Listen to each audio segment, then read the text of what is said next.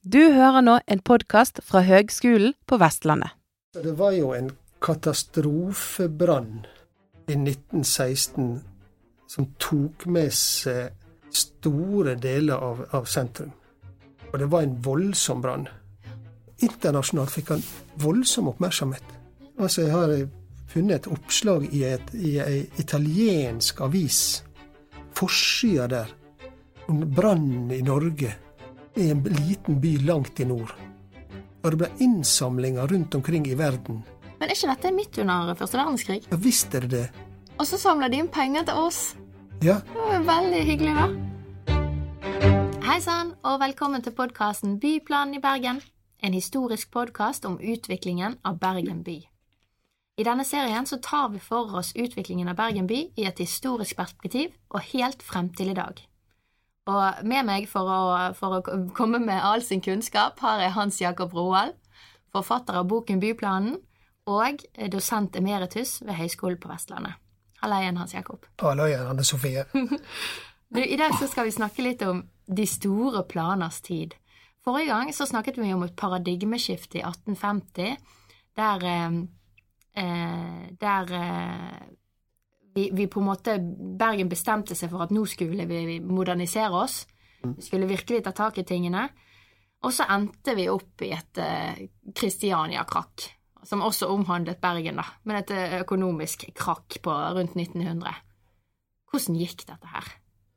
Jo, da, som vi skal se, så går det bra til slutt, da. Ja, hva skjer i Bergen? Ja, nei, for å forklare hva som skjer i Bergen, så beklager, men vi må ta oss en tur utenlands igjen. Ja, du liker disse her utenlandsreisene dine. Vi får, vi får være med deg. ja. For det er på en måte der det skjedde. Og at eh, altså på den måten at Bergen hadde en veldig liten stab med planleggere. Og det, var, og det var nå først at en fikk fast lønn og faste stillinger. Og det var noe av lærdommen som en tok i denne pausen en hadde etter dette krakket. Altså, en må bygge opp en stab, en må bygge opp et byplankontor. Og nå først så hadde en faste stillinger med fagpersoner eh, med utdannelse fra utlandet, og som hadde med seg impulser utenfra. Eh, for en kunne ikke lage egne modeller og teorier om hvordan drive byplanlegging. Fordi at det som vi så forrige gang, så nevnte da sant, at problemer Industriell revolusjon starta i England, og det var der en registrerte problemer. Og så nevnte Paris som en by som, som greide å løse det, da. Og det var mange byer som greide å løse det, som du nevnte Paris, Wien, eh, Barcelona. Men det var, de løste det for seg sjøl. Altså oh, ja, de fant ikke en sånn god løsning for alle? Nei. Nei. Eh, alle kunne lære av det, men det er forskjell på, på en måte å mekke en god løsning og det å lage en teori om det. Ja, det er sant. Og nå får vi en, en flom av teorier og modeller av fagfolk, eh, sånn som meg og det er, ikke sant? Som under, underviser og publiserer, og ikke først og fremst lager byplaner. Nei, ok, Så det vokste fram rett og slett et fagområde innenfor byplanlegging? Ja, det gjorde det. Og da har jeg lyst til, sist som nevnte England og, og Frankrike, men nå har jeg lyst til å Jeg vil ikke slippe helt tak i England, da. Mm. Eh, men eh, spille inn eh, Tyskland. Ok, hvorfor det, da? Tyskland var jo et område hvor eh, vi i Bergen hadde lange tradisjoner for å handle med, og innenfor andre fag så sendte en da eh, det var snekkere, bakere, you name it. Så sendte en til Tyskland for å få mesterutdannelse innenfor lauga sine. Så det var, eh, det var lange, tunge tradisjoner i, i på en måte å hente eh, faglig kunnskap og, og ferdigheter fra Tyskland. Så artig. Ja, men vi tar England først. Er det greit? Ja, det er greit, det. Ja, ja. Eh, som Du har vel sett sånne TV-serier liksom sånn fra engelske landsbyen og sånn. sånt. Ja. Idyllisk, egentlig. idylliske te- Og det var Det er på en måte England har aldri gitt slipp på landsbygda si og landsbyene sine. Så når denne industrielle revolusjonen kom som en sånn greie i byene, eh, så var det veldig mange som ikke var begeistra for det. Blant annet var det da en bevegelse som het Arts and Crafts-bevegelsen, som da hadde forkjærlighet for det gamle håndverket. Altså Ja, så man, man ville vel være en motvekt til industrialiseringen, da? Ja, og det er på en måte, hva, hva er det vi vinner f.eks. ved å standardiserte vindusutforminger? Ja. Altså, så på da landsbyen som var bygd av lokale materialer og lokal byggeskikk. Eh, og da Og de på en måte var en motvekt, en motstemme mot rask utvikling. Og, og den ble veldig Den fant gehør i, i, i Bergen. For Bergen var jo en, altså en driver i etablering av, av Fortidsminneforeninga, f.eks. For det å ta vare på gamle hus, og for å ta vare på gamle hus måtte du ta vare på de gamle håndverkstradisjonene. Jeg skjønner. Men England hadde også da eh, teoretikere som så fremover. Eh, og det var en som het eh, Ebenezer Howard, mm -hmm. som ble veldig viktig. Eh, han, akkurat som arts and craft-bevegelsen, så snudde han liksom industribyen litt ryggen. Ok. Fordi at eh, han ga opp på en måte å, å slåss med og ta opp kampen med, med gårdeierne og kapitalistene inne i byen.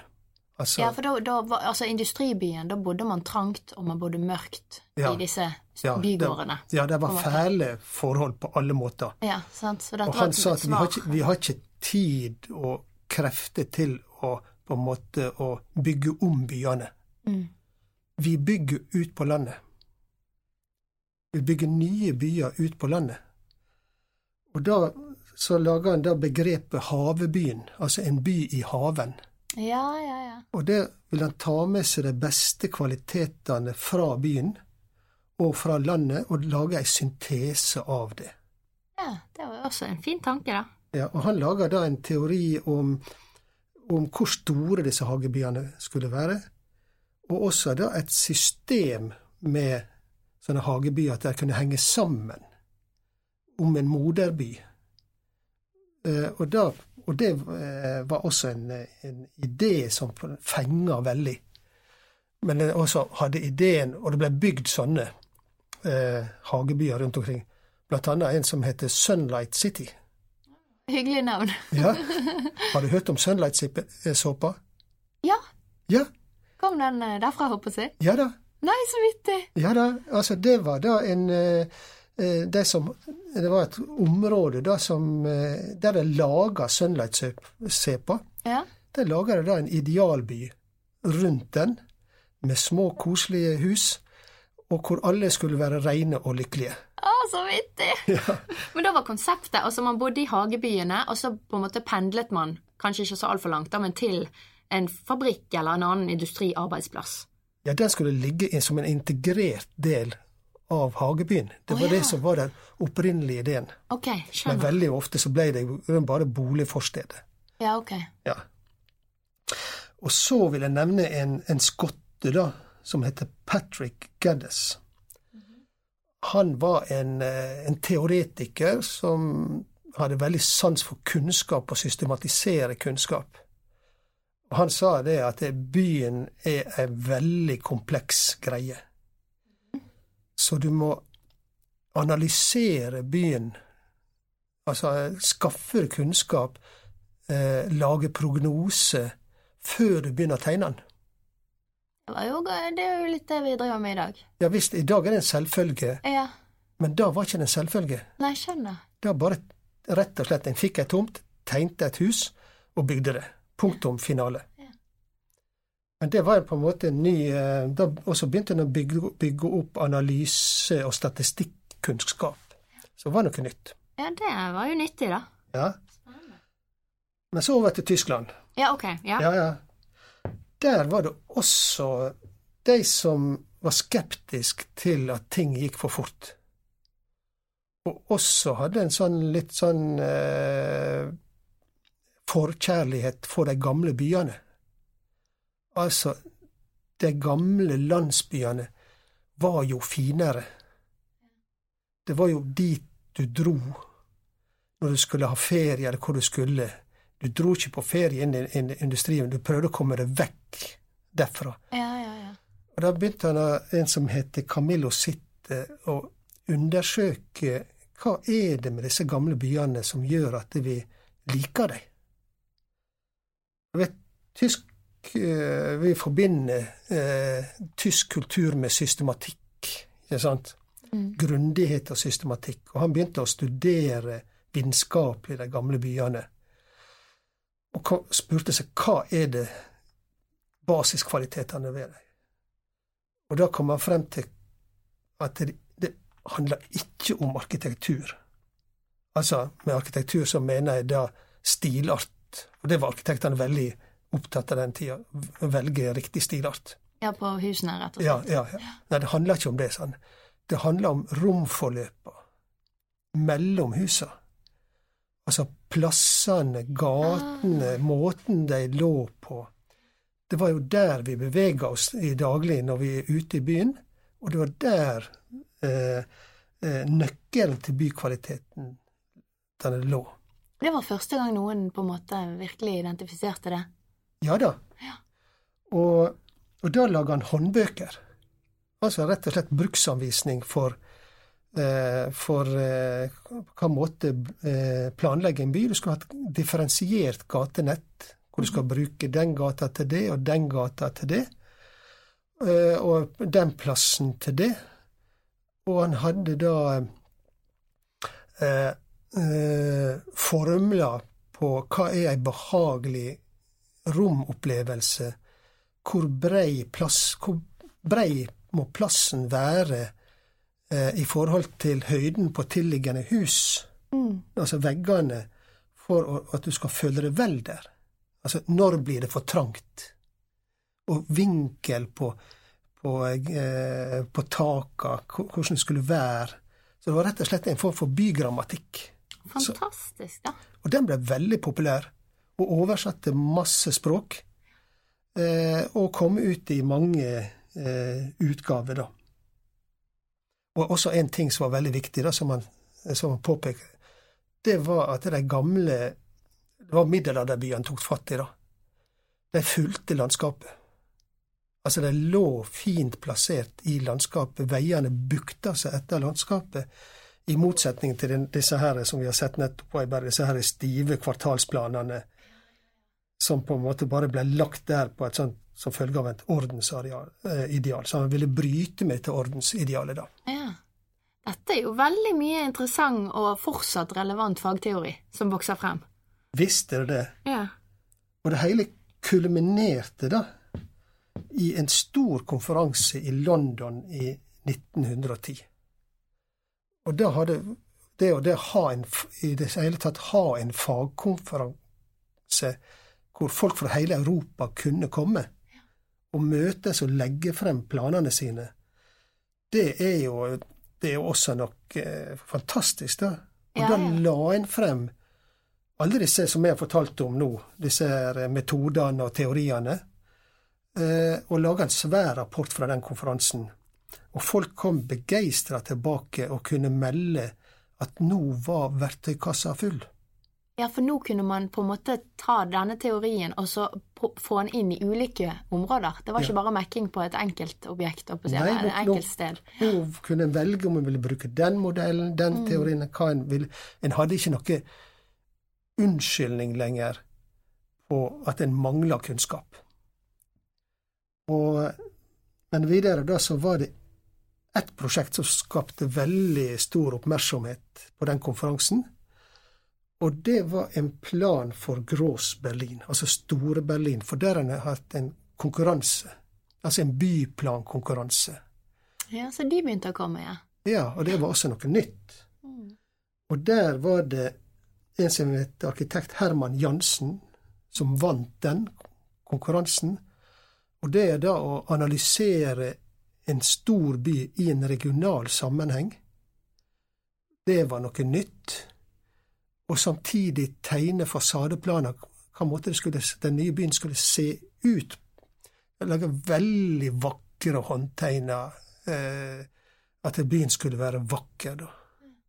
Det der med disse fasadeplanene og fasaderiss og sånn, det, det liksom var veldig vanlig metodikk på den tiden, har jeg inntrykk av. Ja, det kom da. Altså, en forlangte det. Ja, ja. At, eh, og da fikk på mange måter byen et program, da. Altså, byen skal være vakker, han skal være funksjonell, og han skal være sunn. Ja, ja sunnheten var kommet i, kommet i fokus. Ja. Men, men nå, nå, takk for turen, Hans Jakob. skal vi stikke hjem igjen? ja. Eh, for hva, hva med Bergen, da? Tok vi teorien til oss? Vi fikk jo, Nå er vi jo ca. på 1900-tallet. Ja. Eh, planlov snakket vi om sist gang. Det var behov for en ny en, ja. og vi fikk den. Ja, vi fikk den. Ja, Få høre. Funket den? Ja, han funka. Eh, nå fikk en en, en en, nasjonal planlov, da, som ga byen mye større myndighet til å planlegge. Og han stilte da også krav om en generalplan. Ja, som vil si en litt sånn overordnet? En overordna plan.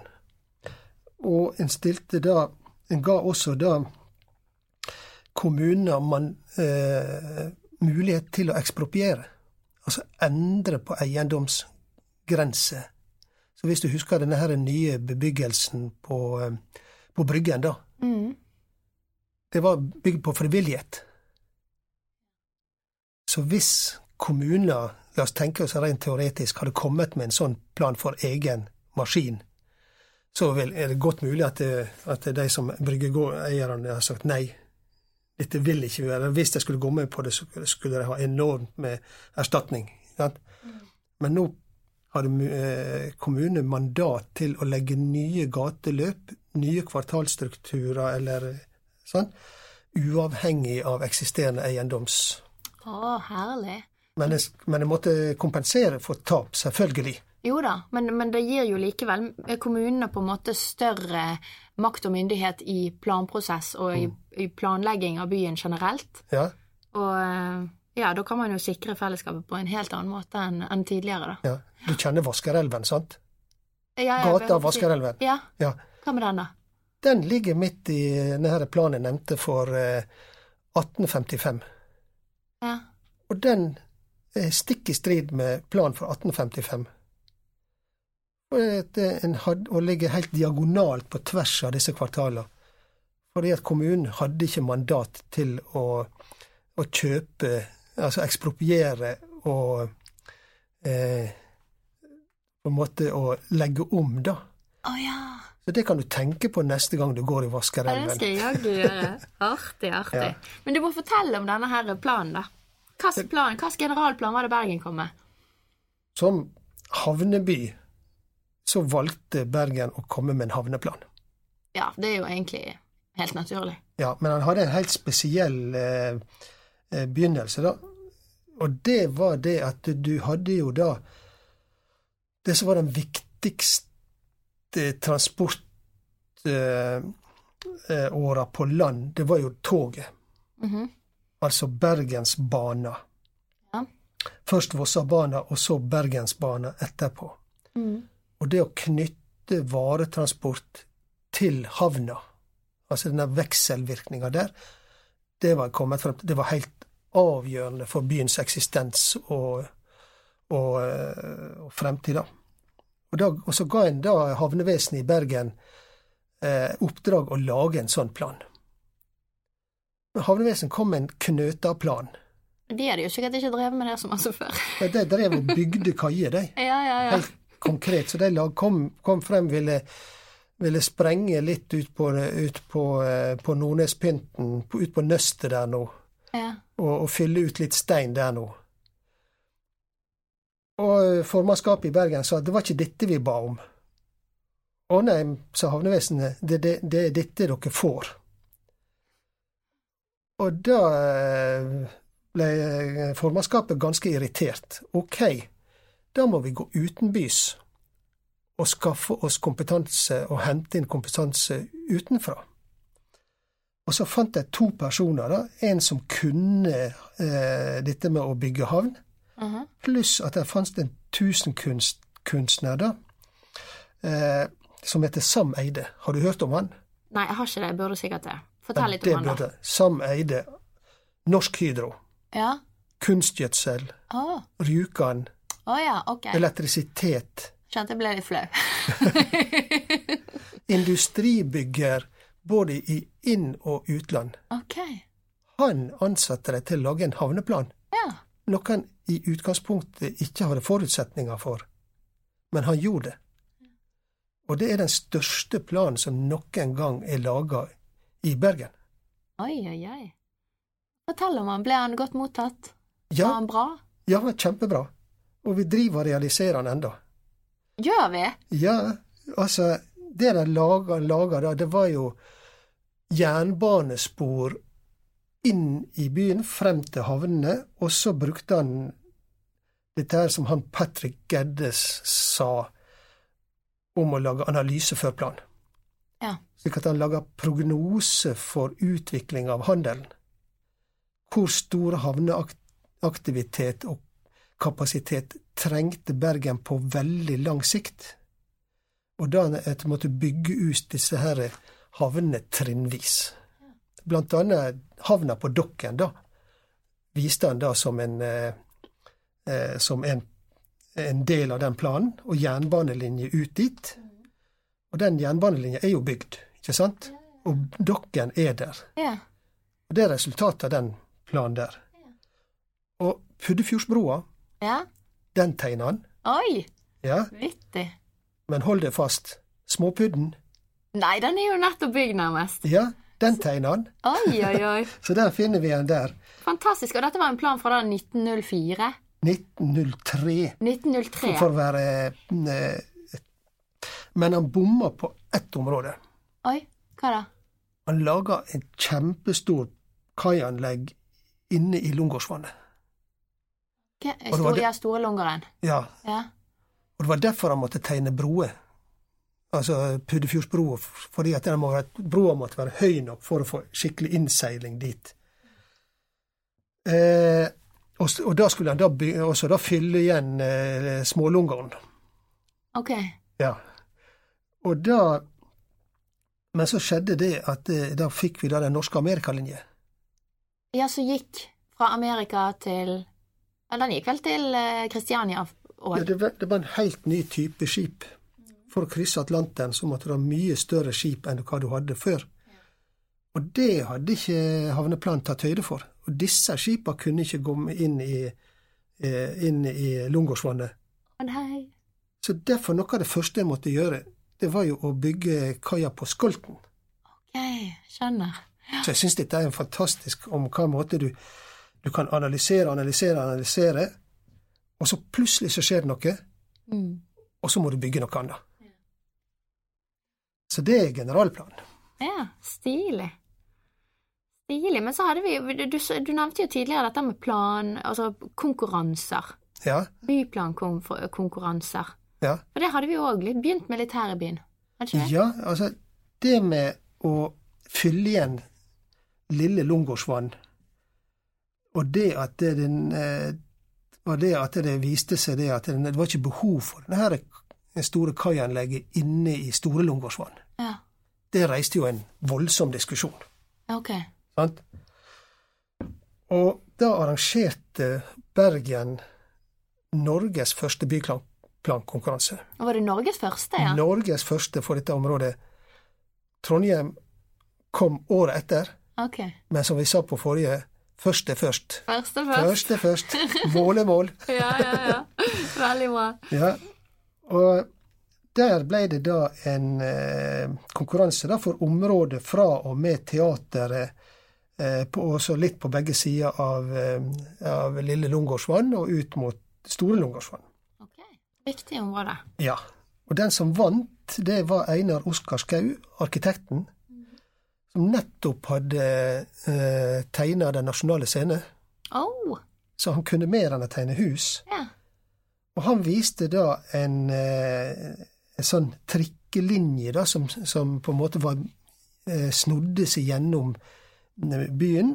Så viste han da et åpent lille Lungårdsvann, store Lungårdsvann, og så to bitte små Lungårdsvann imellom. Sånn at det egentlig var nesten sammenhengende vann Ja. imellom? Ja. Ok, men han tok vare på Lille Lungårdsvann, da? Der Ja, det gjorde han. ville lukke han, håper jeg. Ja det er det. Ja, godt. Ja, hva syns vi om denne planen, da? Ja, altså, den ble jo eh, Den ble jo vedtatt, da, men den ble på en måte ikke Det er litt vanskelig å se om den ble realisert. Ja, ok. Sånn. Men det noe som ble fremheva som veldig positivt eh, ved planen, det var jo det å sanere marken. Ja, for Marken Fortell om Marken. Ja, altså, veldig mye av den byen som var underlagt denne her eh, konkurranseområdet, var jo da En god del av de var murhus, da. Ja. Og, men, og var murforblending, mens marken det lå igjen som en sånn eh, veldig sentralt område bygd av små, gamle trehus med veldig dårlig sanitær standard. Så når du da skulle ha en, eh, en ny, moderne by, så hørte ikke den gamle trehusbebyggelsen hjemme der. En trengte noe mer, og noe eh, ja, mer moderne, da. Så dette her var første eh, Dette skjebnen til marken, det går igjen eh, hele veien, da. Jeg skjønner. Så her var alle enige. Alle var enige? Eh, Ja. Ikke verst. Men dette, var, ja, dette er jo på en måte Nå er vi jo inne i denne her eh, ca. tiårsperioden etter, eh, etter krakket, sant? Tenkepausen, sant? Ja, ja. Planene vokste frem. Var det flere store planer? Ja, altså den som Jeg må jo nevne den som ble eh, byplansjef da i Bergen. Han heter Rikard Tønnesen. Mhm. Utdanna i Tyskland. Okay. Og det var en annen en som arkitekt som da eh, også fremheva seg. Det er en som heter Schumann Olsen. Også utdanna i Tyskland. Ja. Schumann Olsen han fikk da i jobb å lage en plan for, eh, for Sandviken. Okay. Der hadde Bergen kommune vært såpass eh, eh, forutseende at en hadde kjøpt hele området. Oi. Det, og, det, og det var mulig å kjøpe. Eh, slik at eh, et helt eh, stort gårdsbruk, skal vi si, da. Og fordi at en måte en hadde hånd om et stort område, så kunne også lage en helhetlig plan. Ja, ja, ja. Men da må vi ta litt sånn Altså, når dette, når dette planarbeidet begynte, så var det kanskje litt Ja, det var litt sånn eldre industri nede ved vannkanten, og industribebyggelse, industribebyggelse der. Og Ja. så var det litt eh, Altså gårdsbruk oppe i bakkene. Ja, Det var omtrent bare det som var. Ja, sant, så det Og var ei anna reperbane lå der. Ja. Men det var da eh, altså eh, lagerhus som lå nede mot sjøen, og delvis ute i sjøen. Ja, Så det var litt Bergens svar på Venezia. ja jeg skjønner. Veldig bra. Ja. Ok, men nå skulle dette bygges ut. Sandviken. ja. Ja. Og da laga Hans han Schumann Olsen verdens vakreste plan. Og det var som snytt eh, ut av nesa på, uh, på sittetradisjonen, som jeg nevnte. Det er at gatene skal følge landskapet. Å, flott. Og da hadde du parker og allégater og, og også ganske åpen bebyggelse da med hager rundt, og enkelte eh, boligblokker, da. Ja. Eh, så eh, dette er en av mine favorittplaner, for den er så vakker å se på. Men, men nå må vi, vi må prøve å avgrense den litt. Ja. Vi begynner da inne ved kanskje Skuteviken Det cirka? er Rotthaugen. Rottøyen. Ja. Og så strekker han seg ut til ja, nesten ut til Handelshøyskolen. Ok. Ja. Og, og eh, så ser du da fjellveien da oppe med toppen der, og mm. det jeg, jeg som arkitekt så blir jeg så fascinert av sånne planer, fordi at det, når en lager en vakker plan, Ja. så er det som om en vil at området skal bli vakkert. Mm. Og det er igjen det der programmet som en da kom med nå, at bydelen skal, arkitekt, byen skal være sunn, vakker og funksjonell. Og da var det forskjellige sånne arbeidsfellesskap som fikk tildelt ulike områder og hjalp hverandre eh, å bygge, da. Og gikk til eh, forskjellige arkitekter. Og, og ble bygd ut eh, litt nå og litt da. Og det er i grunnen det Sandviken vi ser i dag, er, eh, som ble bygd etter den planen. Fantastisk. Så det er litt samsvar, da. Ja, veldig. Ja. Men så skal jeg fortelle litt morsomhet. Ja. At det var én som protesterte på planen. Hvem da? Kommuneingeniøren. Han burde vel være på lag? Ja, det skulle en tro. Fordi at det å bygge eh, veier som lå i ledig i landskapet, var jo mye rimeligere enn å bygge sånn, sånn etter en sånn stiv kvartalstruktur. Mm. Nei, kommuneingeniøren han ville ha rette gater. Hvorfor det? Du vil ikke tro det. På grunn av estetiske motiv. Nei. Ja. Jeg skulle jo tro at han ville tenke funksjon og Nei, nei. kostnad og Nei, praktisk. kommuneingeniøren tenkte estetikk. Oi, oi, oi. Rettvinkla eh, ingeniørestetikk. Ja, Jeg skjønner. Tar du den? Du er jo ingeniør, ikke sant? ja, ja, jeg tar det. Mens arkitekten var kommet med, med nye ideer om det å følge landskapet. Altså, Ja. verdien, den viktigste verdien i en by ligger der allerede fra før, og den ligger i landskapet. Og den tenkinga der, den passer jo som hånd i hanske for, eh, for Bergen med, med sitt krevende og inspirerende eh, eh, miljø, da. Mm. Og han, Schumann Olsen han var også en ivrig amatørfotograf. Han skrev om byen, og han skrev at, at Bergen har en helt spesiell stemning. Jeg er enig med han. Er du enig med han? ja. Men han fikk ikke noe hør, han her eh, eh, kommuneingeniøren. Nei da, han ble nedstemt. Ja, det var noe godt å høre. Ja. Ja, men Spennende at det var poppis med, poppis med, med konkurranser, da. Da ble det liksom eh, man, man stimulerer jo til fagutvikling. Ja, på, Men så kommer det en litt sånn dyster sak igjen, Hans Jakob. ja, dyster og dyster Du tenker på brannen i 1916? Ja. Ja. Du er ikke helt enig i at det var en dyster sak? Altså, det var jo en katastrofebrann i 1916 som tok med seg store deler av, av sentrum. Ja. Men igjen, bryggesida ble spart. Okay. Nok, en gang. Så vi er inne i Vågsbunnen og bortover mot er Eller- området rundt, uh, rundt Torgallmenning okay. og litt utover mot Nordnes, da. Ok. Utover mot Muralmenning. Ja. Og det var en voldsom brann. Og, og, og den fikk enorm oppmerksomhet. Å. Ja, Det- altså utover byen? Ja, internasjonalt fikk han voldsom oppmerksomhet. Oi, hvorfor det? Det har jeg veldig lurt, lurt veldig på. Altså, jeg har funnet et oppslag i, et, i ei italiensk avis, forsida der, om brannen i Norge, i en liten by langt i nord. Og det ble innsamlinger rundt omkring i verden. Men er ikke dette midt under første verdenskrig? Ja, visst er det det. Og så samler de inn penger til oss. Ja, Det var jo veldig hyggelig, da. ja men det, et- det er et eh, paradoks, syns jeg. Og det kom masse penger fra, fra utflytta nordmenn i, fra, i USA, for eksempel. Ja. Og kanskje er det sånn at en var inne i en sånn forferdelig krig, eh, hvor en ikke Og meningsløs krig. Så fikk en lyst til å gjøre noe godt for noen. Det var eh, rett og slett så enkelt. ja, det kan jo godt være. Men, eh, men eh, ja, vi må jo inn i denne her eh, by, bysituasjonen, da, for da har du plutselig et nedbrent sentrum. Ja, som lå der i ruiner. Ja. Hva gjør en da? Og byen var nettopp kommet på fote etter denne her tiårskrisa. Ja. Og nå var det viktig å komme fort i gang igjen. Men der sa byplansjef Tønnesen la oss tenke oss om. La oss gjøre det grundig. Dette her er en av de største eh, Han sa det sånn at kanskje dette er en av de største utfordringene innenfor byplanlegging i Norge frem til nå.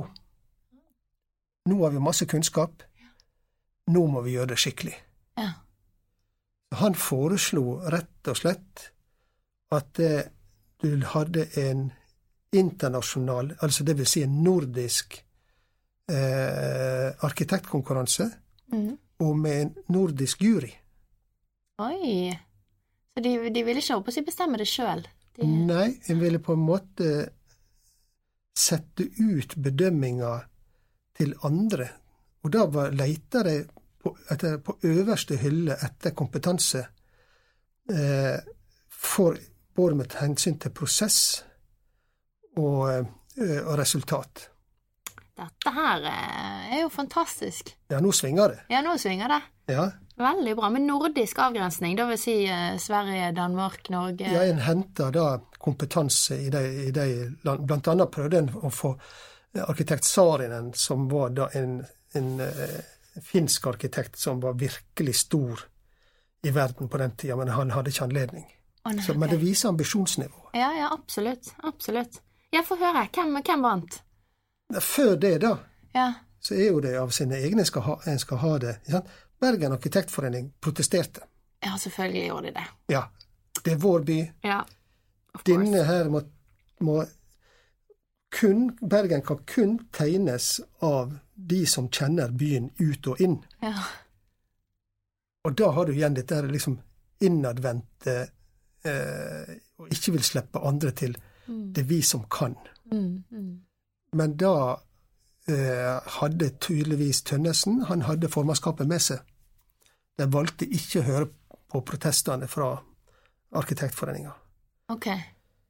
Og eh, vinneren ble jo da en utenfra, ikke fra Bergen. Det ble jo da Liljenberg, eh, eh, som var statsingeniør i Gøteborg, sammen med en arkitektkollega som heter Samuelsson. De fikk førstepris. Ok. Eh, og det de da kom med, det var jo da akkurat sånn som Sitte beskrev, Altså dette der med å lage ulike romforløp. Ja. De tok opp denne her, så hvis du husker tilbake til denne her, jeg fortalte om planen fra eh, 1855, som hadde fått to hovedakser gjennom byen. Én gjennom Torgallmenning opp mot Nygårdshøyden, Ja. og én fra Engen og nedover Lille Lungårdsvann. Ja, stemmer. Og det var det hovedgrepet de bygde på, disse to hovedaksene, og romforløpet rundt det. Ok, så de bygget videre på historisk eh, Ja da, struktur, da? de gjorde det. Ja.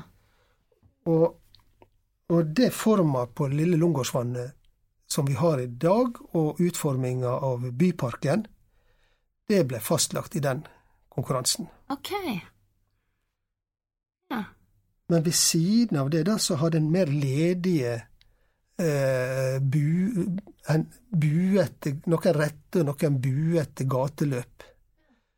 Eh, hvor da det var Hele ideen var det at eh, når du gikk gjennom byen, så skulle du ha ulike opplevelser.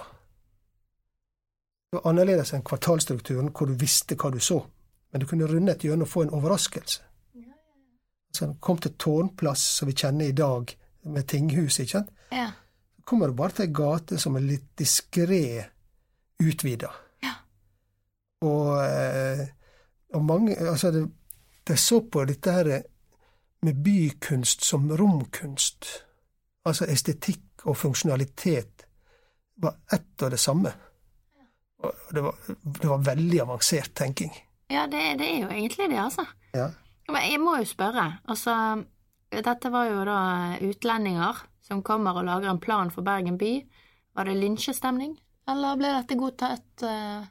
Ja, både òg. Altså, på oppløpssida, da, så kommer jo da Arkitektforeninga med en egen plan, da.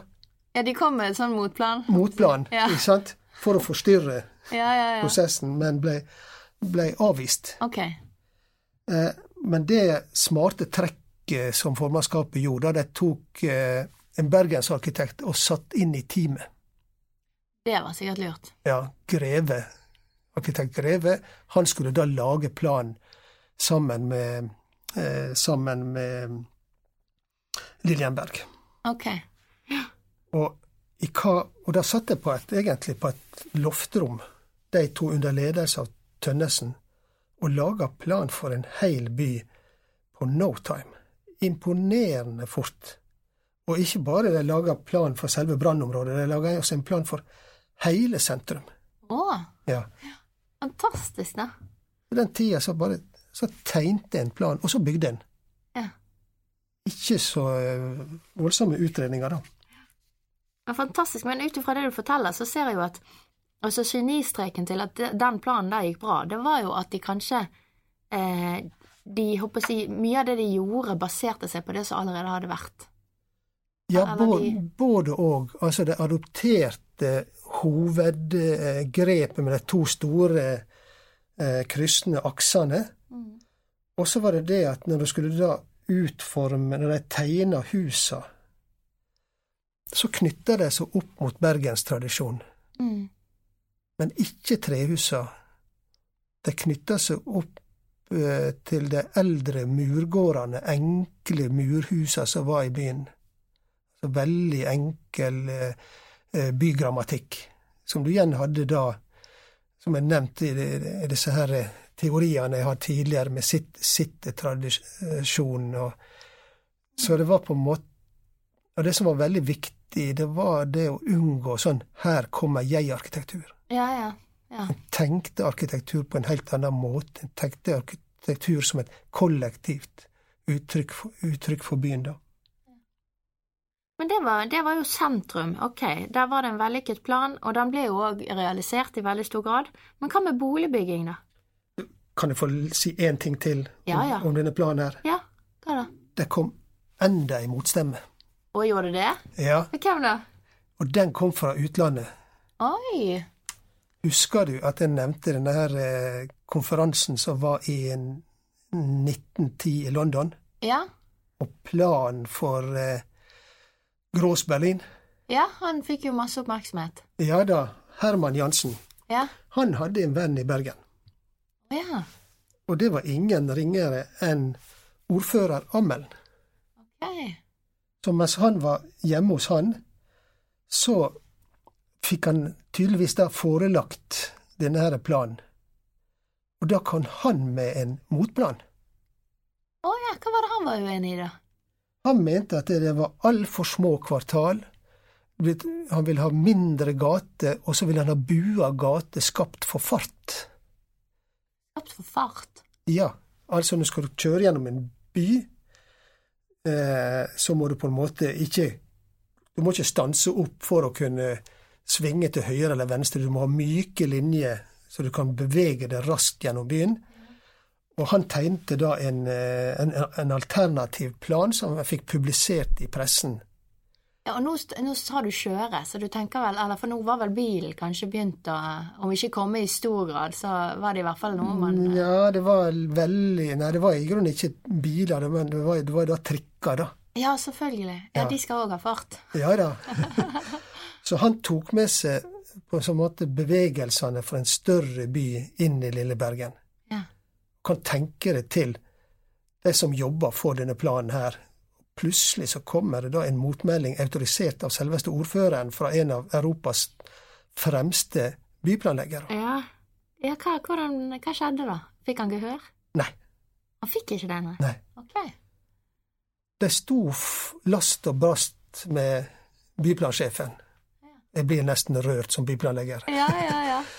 Eh, Men det å bli gjenstand for internasjonal oppmerksomhet og kritikk, det er jo en anerkjennelse i seg sjøl.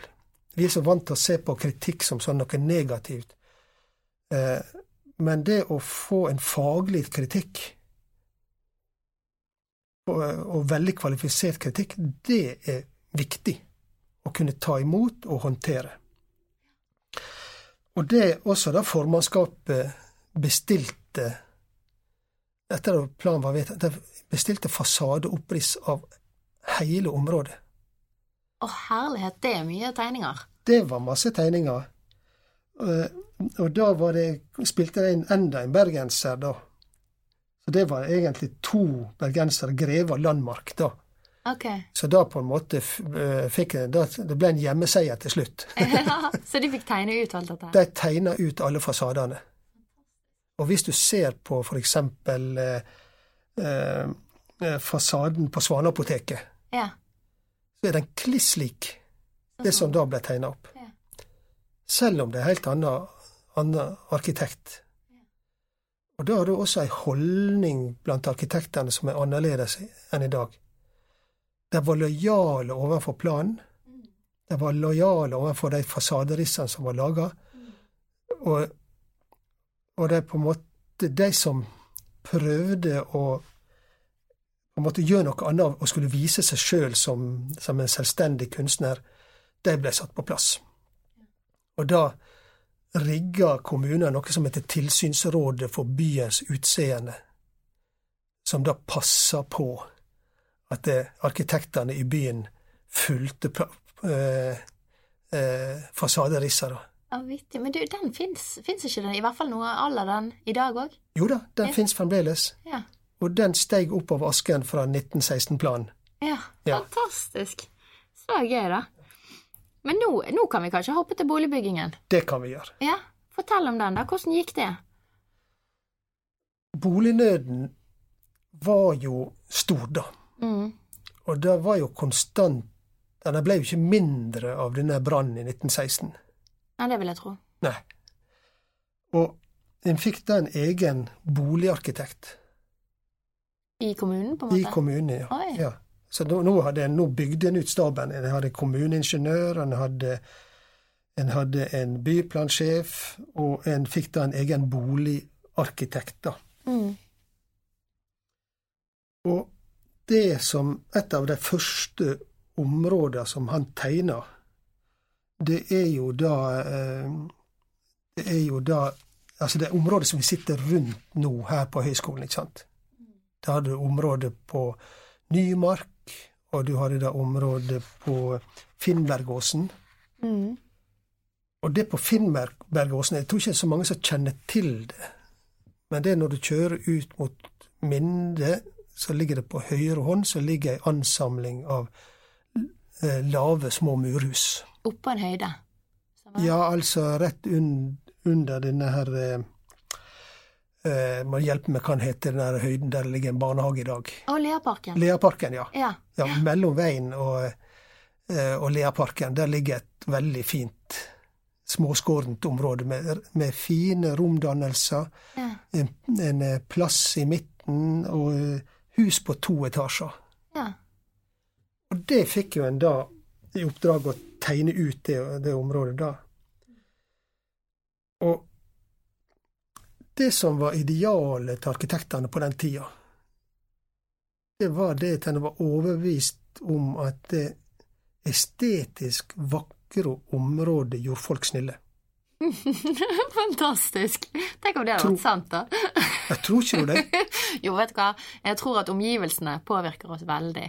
Kanskje Ja. mer enn vi liker å, å, å tro. Men, men akkurat den måten du sa det på, var jo ganske bra, da. Ja, men det var, det var hellig overbevist om det. ok, ja. Eh, og de ville lage omgivelser som, som skapte gode, snille mennesker. Det trodde de fast og. Og det gass, Det kom til å påvirke denne planleggingsprosessen, da. Ja. Og først så kom de med sånne eh, små, hyggelige dukkehus. Parallellen til det er Ullevål hageby i, i Oslo. ja, vi er litt på Hageby-konseptet, sant? Ja da, ja da. Ja, ja, Og der heter jo det Ullevål hageby. ja, Så der har vi det konseptet. ja. Og det har jeg jo sett flere TV-serier og sånt som er fra det eh, området, da. Ja, ja, ja. Eh, mens eh, så, Men da det kom til politikerne, så satt jo de med lange lister over boligsøkende. Og det var bolignød de luxe. Og så kom arkitektene med små dukkehus. Ja, ikke akkurat veldig effektiv boligutbygging. Nei. Og da eh, sendte de planen tilbake, og da sa de om høyere utnyttelse. Ja. Boligarkitekten han flytta litt på noen hus her og der, og så sendte han tilbake til politikerne. Og nesten uten endring, da. Nesten uten endring. Og så holdt en på med det en stund, og så ga politikerne seg og sa OK, vi bygger det. Det er bedre at dette blir bygd, enn at ingenting blir bygd. Ja, jeg skjønner. Så der sto arkitektene på sin estetiske, moralske eh, pidestall og fikk dirigert hva måte det skal, skulle være på, da. Ja. Vittig. Er det andre deler som ble bygget ut, da? Ja, det var egentlig hele håper jeg, Bergensdalens midtre del langs med her eh, ved siden av Brann stadion og rundt der.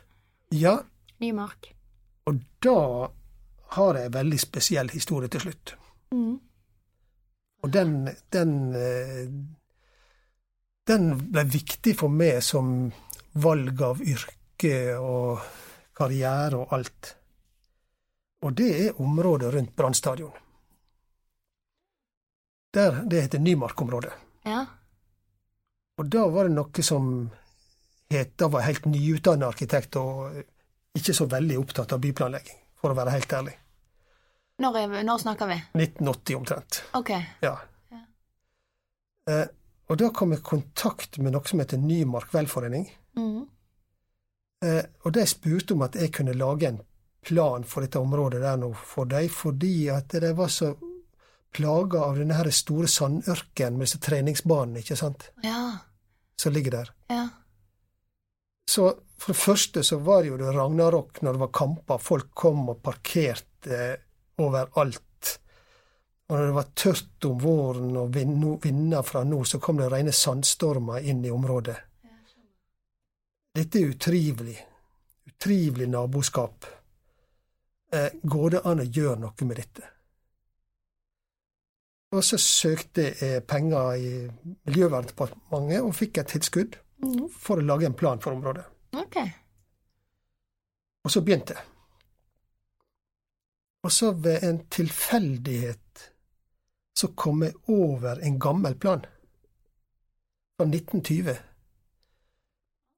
Tegna av han Schumann Olsen som jeg har eh, eh, nevnt tidligere. Ja. Hvordan var den, da? Den var utrolig eh, enkel, da. Fordi det han gjorde, det var det at han tok igjen utgangspunktet i det landskapet som var der. Altså kvalitetene i landskapet. Så han analyserte naturen. Hva slags naturkvaliteter er det som er her? Mm. Og nede på flata var det myr. Og der vil han anlegge et vann, da, på den myra, og gjøre den om til en park. Og så har du Kristiparken litt lenger oppe, ikke sant, du kjenner den? Mm. Og der vil han lage fossefall og fremme det. ikke sant? Og videre sørover, da så laga han til da en sammenhengende grønnstruktur som gikk som en sånn runding, altså sammenhengende rundt hele området. Ja, men det som jeg ble veldig imponert over, det var det at det, når du først skal bygge ned et område, ikke sant, og så skal du ta vare på en grønn struktur, så var den veldig bevisst valgt. Altså, den, den grunnstrukturen skulle representere et tverrsnitt av de naturkvalitetene som var der fra før. Ah, det var en fin tilnærming. Ja, kjempefin. Ja. Og jeg blei så imponert. Jøss, tenkte en sånn i 1920? Dette er jo helt moderne ting som vi holder på med nå. Dette å få vann frem i dagen og åpne bekker og, og sånn. Ja. Det er jo det vi holder på med nå. ja, ja, visst er det det. Og han var der i 1920. Ja. Fantastisk. Og, og Men det som jeg da oppdaga når jeg da så jeg gikk igjen i arkivet, da, Mm. så fant jeg planen han En moderne utgave av den samme planen. Og vet du hva som hadde tegna den? Nei. Han Jansen. Herman Jansen. Og han har vi hørt om før òg. Det var Ja. han som kom med motforslag til denne sentrumsplanen etter brannen. Ja, Ja. så han hadde også funnet frem den gamle planen ah, ja. en eller annen gang, ja.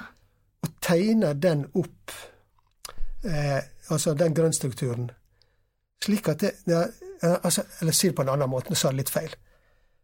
Han tegna den først. Og var det han som gjorde det først? Han tegna det først, og så rappa Schumann Olsen den. Oi, oi, oi, det er ikke helt innafor. Nei. Men eh, da la han eh, Jansen igjen på en måte en sånn eh, lite smykke, Mm, en gave til Bergen. ja. Og så begynte jeg å undersøke hvor er det han, eh, Jans, han eh, Herman Jansen hadde denne ideen fra. ja, dette med tverrsnitt av naturen og ivareta. Ja, Ja. USA. Å ja. Det er organisasjoner som heter Green Belts Societies. Ja, for det var jo et grønt belte i planen. Ja, Ja. og det hadde du i Boston, Ja. hvor du hadde da private eh, foreninger som gikk sammen for å kjøpe opp areal for å la, lage parker. Akkurat sånn som du hadde i Nygårdsparken, men da var det på en måte en, en sånn mastodont av en park, og her var det et grønt belte. Ja. Akkurat samme tanken, da. Ja. Og plutselig så hadde du innenfor et lite, relativt lite område rett ved siden av der, der vi bor, eh, hele verdens historier innenfor planlegging. Altså fra USA, Tyskland og Bergen. Og da tenkte jeg ok, dette er min greie. Jeg skal ikke bare bli planlegger, men jeg skal også bli byplanhistoriker. Og da satt jeg i styret i Fortidsminneforeninga. Og vi var opptatt av å ta vare på gamle hus. Og da slo det meg at det, det fins også noe som heter gamle planer, som er verneverdige. Og det løfter frem eh, alle de tankene og ideene som ligger innebakt i gamle planer. At vi ikke behøver å tenke alt på nytt, som, som om ingen har tenkt byplanlegging før. Det fins generasjoner med byplanleggere i alle land. La oss løfte det frem. La oss le leite i arkiver og, og, og, og, og bruke de kvalitetene som, og gode tankene som allerede er skapt. Så det var et sånt vendepunkt i mitt, eh, i, i mitt eh, faglige liv, da. ja. Fantastisk, da. Men du, den der planen der skulle jo vært realisert. Hva skjedde?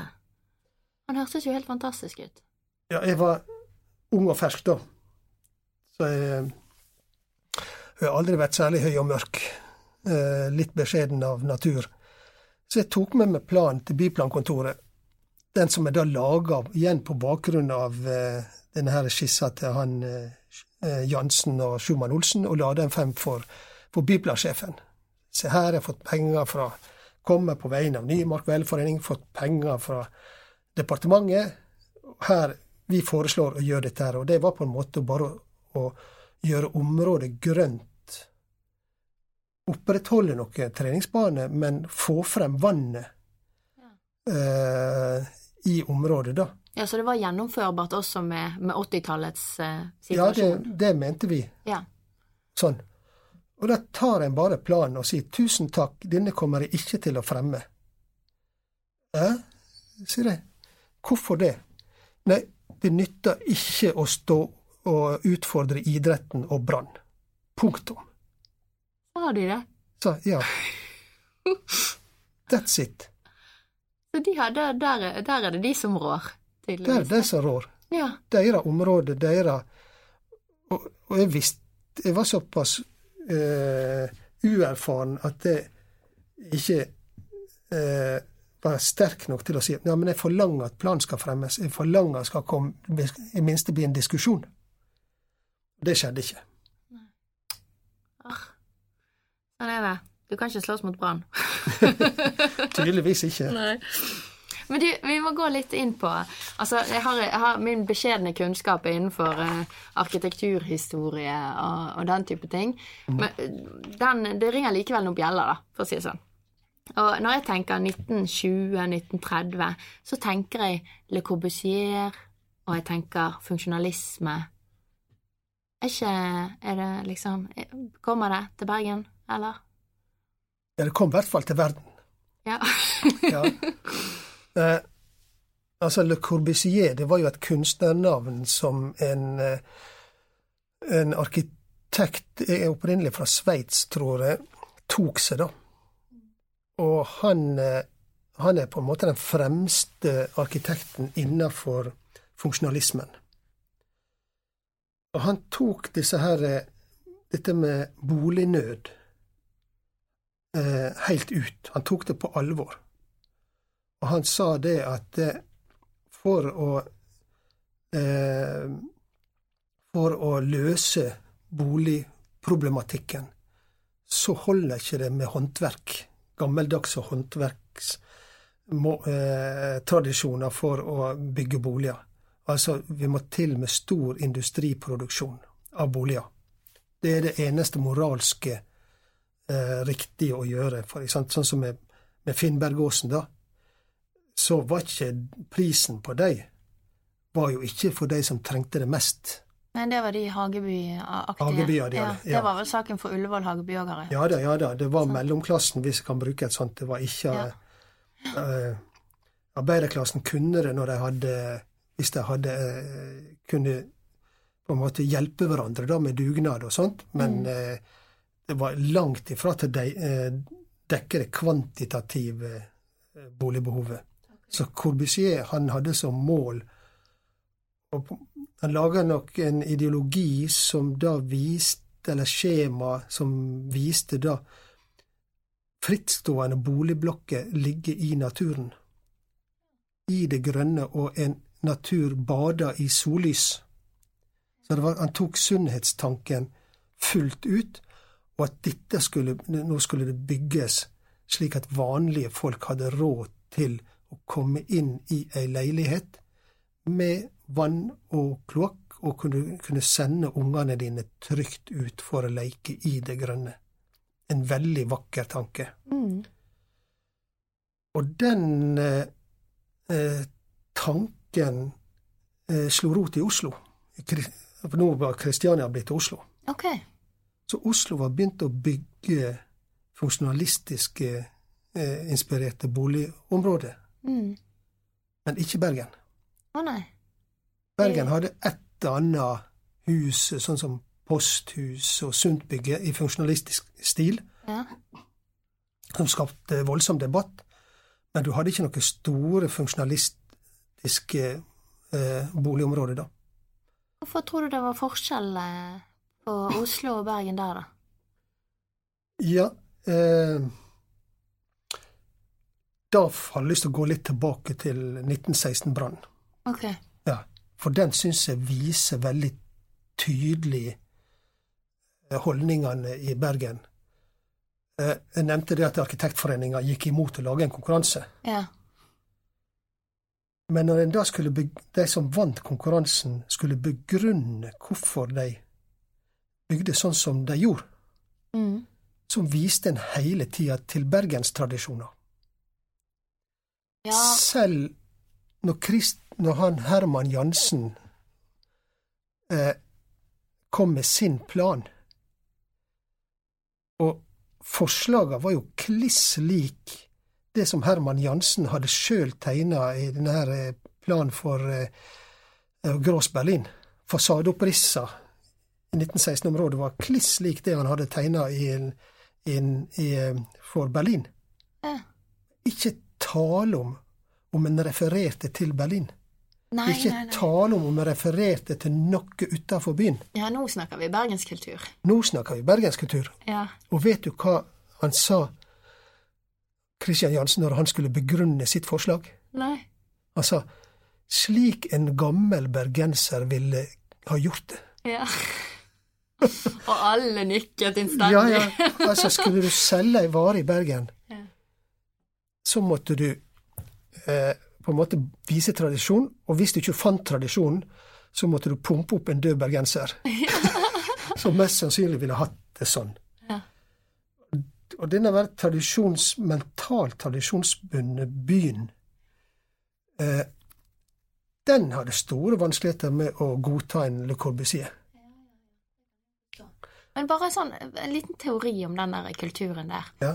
Er det fordi at vi altså Bergen hadde sin storhetstid i, helt begyn, i begynnelsen av sin levetid, og dermed har vi alltid sett oss litt tilbake? eh, liksom, Skjønner du hva jeg mener? Ja, jeg skjønner veldig godt hva du mener. Er det det som er grunnen til at vi er så vanskelig med nye ting og Ja, altså, det er en Du har en innebygd motstand Ja. he hele veien mot det nye. Ja. Av og til er den veldig sunn. Av og til er han ikke så sunn. Eh, hvis du da tar en parallell plan som ble laga i, i, i Oslo, da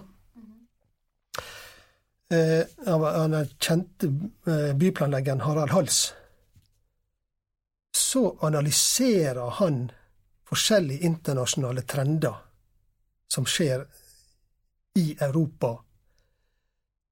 I innledninga, og diskuterer det i innledninga til, til plan for Stor-Oslo. Og der kritiserer han f.eks. Corbusier for å være kald og ufølsom.